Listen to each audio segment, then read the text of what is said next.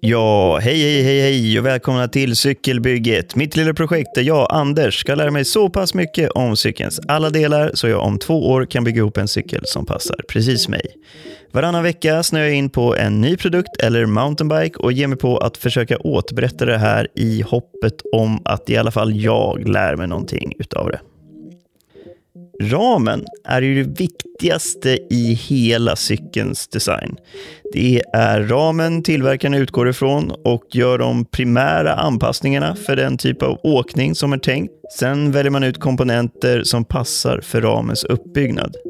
På grund av att ramen är så pass viktig och utgör en stor vikt av själva cykeln så finns det ju många olika material att välja på. Det vanligaste är att man har valet att få ramen i antingen aluminium eller kolfiber. Men andra material är också ibland tillgängliga som till exempel stål och titan. I dagens avsnitt tänkte jag ge mig på att få en övergripande bild av de här olika materialen, alltså aluminium, kolfiber, stål och titan och se vad som är bra med dem och också se vad som är negativt med dem.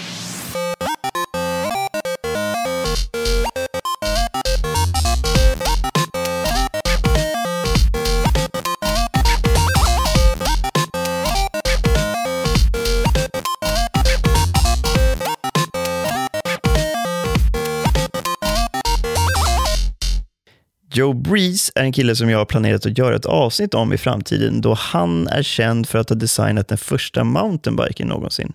Kort sagt kan man säga att Joe Breezer och hans kompisar på 70-talet i Kalifornien kom på att det var svinkul att ta deras beach cruisers, alltså deras cyklar, upp på bergen och sen ösa ner på dem för grusvägar. Joe byggde till slut en egen cykel specialanpassad för att köra ner för de här grusvägarna. Och den cykeln döpte han till Breezer One. Och den är idag som sagt känd som den första mountainbiken. Det här var 1977. Och ja, du som är på hugget och lyssnade på förra avsnittet om Specialized Stump Jumper och nu tänker att vi då kom fram till att det var ju den första mountainbiken. Så var Stump Jumpern som släpptes 1981 den första massproducerade mountainbiken. Hur som, Joe Breeze byggde Breezer One med kromolistålrör. Kromolistål är alltså vad man kallar ett legerat stål. Att det är ett stål med tillsatta ämnen och kromolistål innehåller då grundämnena krom och molybden. Vi svenskar brukar kalla det här CRMO-stål. CR för krom och MO för molybden. CRMO.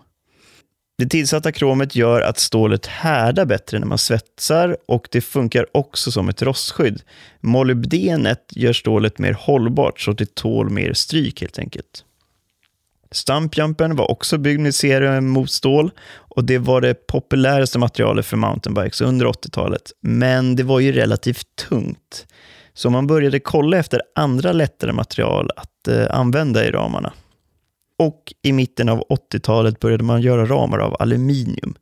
Aluminium är ju ett grundämne som används typ till all sorts konstruktion och man gillar det i cykelbranschen för att det är lätt och formbart.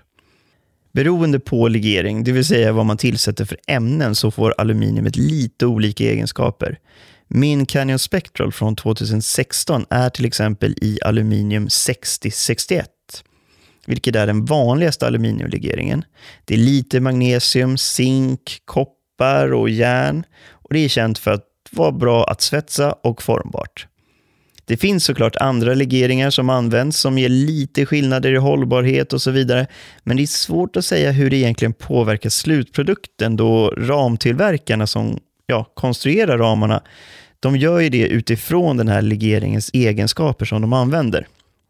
Där det skiljer sig rejält dock är legeringen aluminium 7075 som används av till exempel pole bicycles. 7075 innehåller ingen koppar eller järn utan bara magnesium och zink och är mycket hållbarare än 6061 men det går inte att svetsa. Så Pole limmar faktiskt ihop sina ramar. Och det här limmet som Pole Bicycles använder vill de ju såklart hålla hemligt.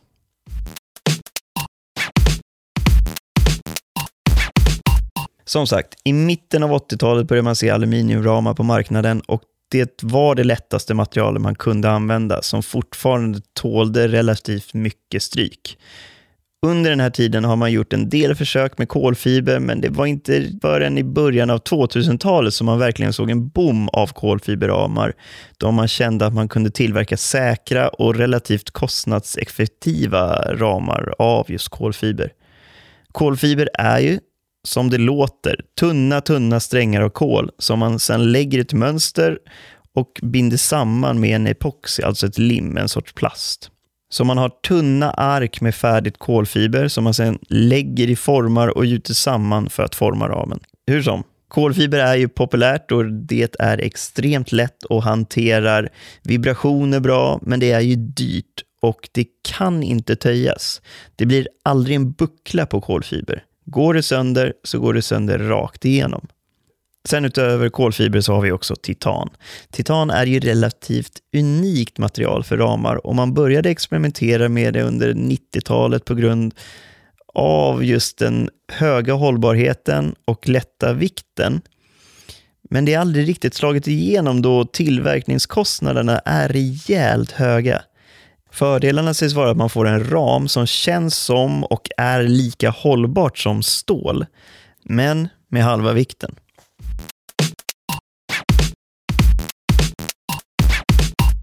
Så för att sammanfatta. Stål är hållbart på så sätt att det kan töjas och ta smällar, men det är tungt. Dock så är ju min erfarenhet att folk med stålcyklar kan inte sluta prata om stålcyklar. Det verkar vara någonting speciellt med stålramar och de som gillar det, de älskar det. Ja, de är lite tyngre, men det verkar vara någonting med känslan som man inte kan få med andra ramar, verkar det som. Jag kommer att göra ett avsnitt om stålcyklar på ett eller annat sätt i framtiden. Det är någonting med stål som lockar, känner jag. Jag är ju lite i tron att det här med tyngden inte ska spela någon roll, om man inte är tävlingscyklist såklart. Just nu så spelar tyngden roll för mig, antagligen för att jag har för dålig cykelteknik. Men om jag hade bra teknik så hade nog inte vikten på cykeln spelat lika stor roll som det gör just nu för mig. Det är vad jag tänker i alla fall. Aluminium då? Ja, det är det vanligaste materialet och det är formbart och lätt. Du får helt enkelt en bra, hållbar ram för ett billigt pris. Om du är nybörjare så är det en aluminiumram du ska satsa på antagligen då du antagligen inte kommer ha roligare på en kolfiberram eller en stålram, då din teknik antagligen inte är riktigt där än.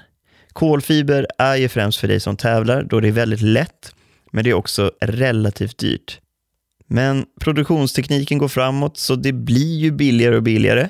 Personligen har jag ju lite kolfiberskräck, då jag har sett allt för många YouTube-videos där kolfiberramar går sönder. Yeah! Drop! Oh! No. Oh! Something on the bike broke. Okay. Just don't worry about the bike, man. Woo! I'm gonna be okay. Och ja, jag vet, det är inte särskilt faktabaserat det här, men jag tror att många andra känner som jag och har lite samma känsla, att man har blivit lite avskräckt helt enkelt.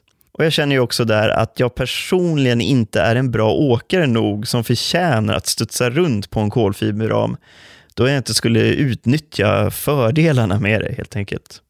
Och just det, han som kraschade i klippet ni hörde var Single Track Sampler.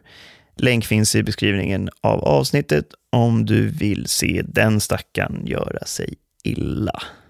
Sista materialet är ju titan och det är för dig som är en riktig finsmakare. Du vill ha stålet men inte vikten. Det finns några tillverkare som specialiserat sig och gör alla sina ramar i titan. Främst är det för cross country då den har liksom en naturlig dämpningsegenskap som funkar väldigt bra på just hardtails. För enduro och downhill är det svårare att hitta någon ram i titan. Anledningen till att det inte verkar slå igenom ordentligt är ju att vill du ha en hållbar cykel, då kör du på stål. Vill du ha en lätt cykel, då kör du på kolfiber. Vill du ha någonting där mittemellan så finns ju aluminium som är mycket billigare än alla de andra alternativen. Speciellt titan. Ja, det var allt för mig den här veckan. Vill ni höra av er till mig och berätta om hur rätt eller fel jag har om någonting kan ni göra det på anders.cykelbygget.se. Och eh, nu tänkte jag faktiskt ta ett litet juluppehåll, så nästa avsnitt blir i början av januari. Tills dess så önskar jag er helt enkelt en god jul och ett eh, riktigt gott nytt år, så ses vi, ja, nästa år. Hej då!